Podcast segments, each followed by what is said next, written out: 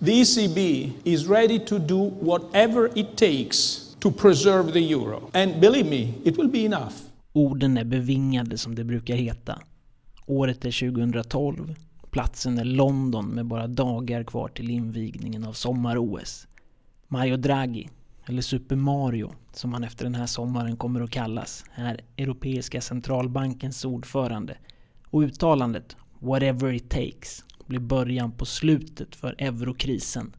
Mario Draghi kommer att ses som eurons räddare. Och nu, nu har han fått uppgiften att rädda Italien. Det här är Sydeuropa-podden med Filip Jakobsson. L'immigrazione va controllata e regolamentata. Mais je ne suis pas là pour plaire. Je suis là pour faire avec vous. Sono brutto, cattivo, razzista, fascista, eccetera, eccetera. Monsieur Le fonds Macron, souverain, ne jouez pas avec moi, ne jouez pas. Mais je ne joue pas malheureusement Je vois cette que crise. vous... Alors c'était mieux avant Non, ce n'était pas mieux avant. Giuro di essere fedele alla Repubblica. Det såg nästan lite komiskt ut i lördags morse när den 67 regeringskrisen i Italien sedan andra världskriget fick sitt slut. Di osservarne lealmente la Costituzione e le leggi. När Mario Draghi svor premiärminister-eden med munskyddet på var det svårt att finna några likheter överhuvudtaget till när USAs president Joe Biden gjorde samma sak för snart en månad sedan. E di esercitare le mie funzioni nell'interesse esclusivo della nazione. De flesta analytiker är dessutom överens om att han allra helst hade sluppit. Tanken var att han skulle ta över den i huvudsak formella presidentrollen när Mattarellas mandat går ut nästa år. Men nu stod han där i alla fall. Den ofrivilliga lösningen på en obegriplig regeringskris mitt i coronapandemin som flyttat landets skuldtyngda ekonomi 20 år bakåt i tiden. Enligt en opinionsundersökning från mitten på januari förstod bara 51% av italienarna anledningarna bakom krisen. Proprio adesso si gioca il futuro del Paese e o risolviamo i punti aperti adesso o condanniamo i nostri figli e i nostri nipoti a vivere nel declino più totale. Krisen utlöstes den 13 januari när två ministrar från det lilla regeringspartiet Italia Viva avgick i protest mot regeringens planer för hur de över 200 miljarder euro som landet ska få i coronastöd ska spenderas. Italia Viva leds av den förre premiärministern Matteo Renzi. This was the first reaction shock. Shock because uh, in our mind, uh, everything is totally connected with UK. Just det, den Renzi. Obviously. Högersossen som var landets premiärminister mellan 2014 och 2016. This decision is a decision. Brexit is Brexit. Renzi är viktig. Det är trots att han leder ett parti som ligger runt 3% i opinionen. Han har varit en högljudd kritiker av landets pandemistrategi och de reformer som planeras och inte planeras. För det är det som krisen har handlat om. Hur EUs stödpengar ska användas. Och där väntar vi fortfarande på flera besked från Draghi, som fortfarande inte ens gett någon intervju. Dice Draghi, fantastico, facciamoli studiare di più. Tra l'altro non è che I l'abbia dati- detto, ci è stato riferito perché Draghi Ma sì, parla ovvio, è stato zero riferito quasi. alcune cose. Men om vi tittar på den regering som Draghi valt ut då. Den består till hälften av ministrar från den förra regeringen. En tredjedel är opolitiska teknokrater som står Draghi nära.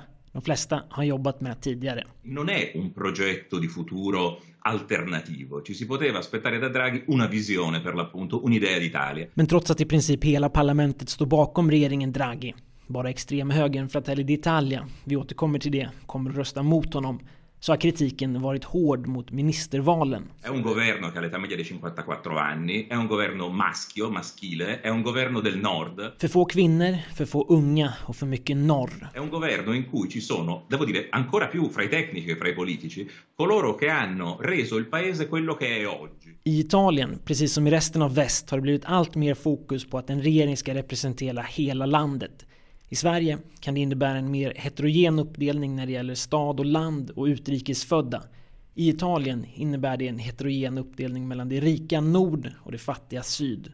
I Draghis regering finns ingen från Sicilien, ingen från Puglia och ingen från Kalabrien. Däremot kommer åtta ministrar från det rika Lombardiet och fyra från Veneto. Av 23 ministrar är bara åtta kvinnor. Medelåldern den är 54 år. Ganska högt får man säga i en regering som Draghi själv sagt ska vara de ungas. Questa non è una nuova, come dire, oligarchia, è quella di prima che torna. Vänsterjournalisten Tommaso Montanari sammanfattar nog kritiken allra bäst. Regeringen är, enligt vänstern, inget nytt. Det är bara mer av den gamla politiska klassen som ledde Italien fram tills populistiska femstjärnerörelsen och nationalistiska Lega bildade regering 2018. Non c'è un ricambio di classe dirigente, c'è quella che ha condotto il paese fino alla reazione populista, cioè sull'orlo dell'abisso. Non è la, una soluzione nuova, è il vecchio problema. Det är förmodligen också därför som femstjärnerörelsen är så splittrad inför Draghi. En tredjedel av partiets ledamöter kan rösta mot honom som premiärminister när parlamentet röstar om honom senare i veckan. I praktiken gör det inget eftersom han har en sån förkrossande majoritet i parlamentet. Men det visar på splittringen i femstjärnerörelsen. He represents the European establishment. Det här är Silvia Chorilli Borelli. Hon är romare och Financial Times Milano-korrespondent. Dessutom är hon en gammal poddbekant. He represents all those things and symbols that the populist five stars have always fought against and to which they largely owe their success to. Precis som de flesta analytiker och journalister förvånade Silvia när beskedet kom att president Mattarella gett uppdraget att försöka bilda regering till Draghi. Hon säger att faktumet att Draghi valde att tacka ja, han som tidigare alltid hållit sig utanför italiensk inrikespolitik, understryker hur allvarlig krisen just nu är. Senast i april måste Italien ha presenterat sina planer för EU på hur stödpengarna ska användas. The fact that he has suddenly descended into the political arena and that so many Italians, because according to opinion polls, 66% of Italians actually back a Draghi government really means the country is in a very difficult situation and that people, both center right and center left voters, and also part of the far right and of the populists, just think the time has come for someone who's a technocrat who's never been affiliated with political parties to actually save the country from economic ruin. Det är inte första gången som en expertregering som den som nu alltså ska försöka leda Italien ur coronakrisen prövas på i landet. Ett exempel är Mario Montis regering 2011 den gick ordentligt på pumpen, trots alla förhoppningar som fanns från EU och USA. Men det är inte bara pandemin som gör saker annorlunda den här gången. This one is very different because in 2011 Italy risked um, going bankrupt uh, and Mario Monti had to pass many uh, austerity measures to cut public spending. Whereas here we're talking about finding efficient ways to invest 210 billion euro that the European Commission is going to be giving Italy as the biggest beneficiary of the recovery plan. So it's a very difficult situation, but at the same time, it's very different from the past. It could be um, very positive but it also entails risks because of the of the frictions and the differences within uh, Italy's uh, parliament and political parties. Det enda partiet som är helt eniga om att Draghis regering är fel är Fratelli d'Italia och partiets ledare Giorgia Meloni. Hon har konsekvent propagerat för att ett nyval är den enda logiska lösningen på regeringskrisen. Partiet får nu 18 procent i en del opinionsundersökningar jämfört med 4 procent i parlamentsvalet för tre år sedan. Jag frågar Silvia vad det kan innebära på sikt att det bara kommer att finnas ett parti i opposition som dessutom råkar vara ett parti på den yttersta högerkanten. The fact that Fratelli d'Italia is staying out goes to show that they're not being ambiguous and they're not U-turning on crucial policy issues and they're you know traditional nationalistic and anti-EU stances which I think to voters is something that kind of makes them feel a bit less confused because we've seen many, many U turns from Italian political parties, and we've seen uh, the League and the Five Star change their mind many times across the past three years. And I think this has been confusing to voters um, and has contributed to kind of dividing Italian voters even more. Um, so I think her stance is you know, in line with what the party has always stood for, not surprising and it might even be beneficial in the longer term. In the longer term så är det också ganska många som frågar sig vad som ska hända med den tidigare premiärministern Giuseppe Conte som avgick i och med regeringskrisen i januari. Well, that's a very good question and uh, I'm not sure I know the answer to it. Giuseppe Conte som varit ansiktet utåt för regeringens pandemihantering och som hela tiden varit omåttligt populär. Ci sarà un tempo per tutto, ma oggi è il tempo dell'azione il tempo della responsabilità dalla quale nessuno può fuggire. I en hyllningsvideo på Instagram på ett av hans många fankonton med texten “Vi saknar dig” får han över 30 000 likes.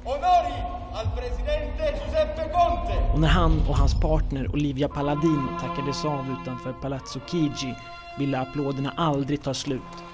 Och hans pressekreterare började till och med att gråta.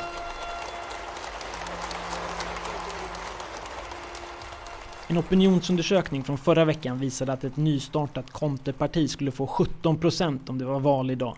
Men något sånt finns ju inte. Och eftersom Conte var en opolitisk lösning har han ingen plats i parlamentet. Men att han står nära Femstjärnerörelsen är ingen hemlighet. Så kommer han officiellt gå med i partiet nu? It's not very clear what he plans to do because in a way if this Draghi government continues for the next two years since uh, Giuseppe Conte is a technocrat, he hadn't been elected in 2018, and so he's currently out of parliament. Obviously, to stand still for two years and then, uh, you know, come out with a new political proposition might be um, a risky feat. So the question is, is he going to officially enter the five star movement? Något som är säkert är däremot att Mario Draghis ledarstil och sätt att kommunicera kommer skilja sig mycket mot Giuseppe Contes, säger Silvia Cirilli Borelli. Draghi finns till exempel fortfarande inte på ett enda socialt medium medan Conte ofta valde Facebook före traditionella medier. I really think part of Giuseppe Conte's popularity was due to a very strong communication and a very aggressive style by the team around him in communicating and speaking to people directly through Facebook Lives and through social media, as opposed to going through journalists. And he was very much felt as someone who was part of the people and close to the people. Uh, and he wasn't as aggressive and as outspoken as other politicians. And I think he owes part of his popularity to having been associated with any political party. So the question is whether now that he's not the prime minister anymore and he doesn't have any clear political affiliation, if this will be something that will somehow hurt his popularity in the long term because obviously he's out of the media he's not the prime minister and people just kind of forget him. Vi ska ta och avsluta här. Under veckan som kommer kommer Italiens två kamrar att godkänna Draghis regering.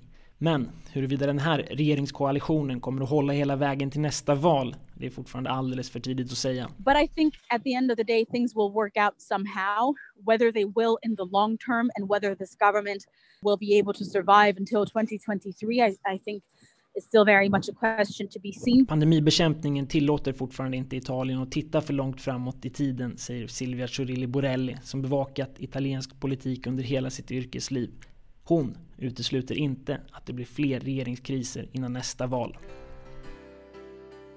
I think, I assume and I hope that they have a plan and that political parties will ultimately back him at least to pass the crucial reforms that Italy needs to pass um, in order to secure the funds from uh, the European Commission and to really come out of this horrible health and economic crisis it's currently faced with.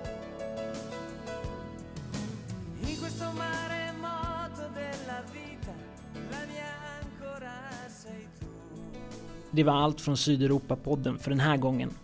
Producent och programledare, det är som alltid jag, Filip Jakobsson. Vi hörs snart igen.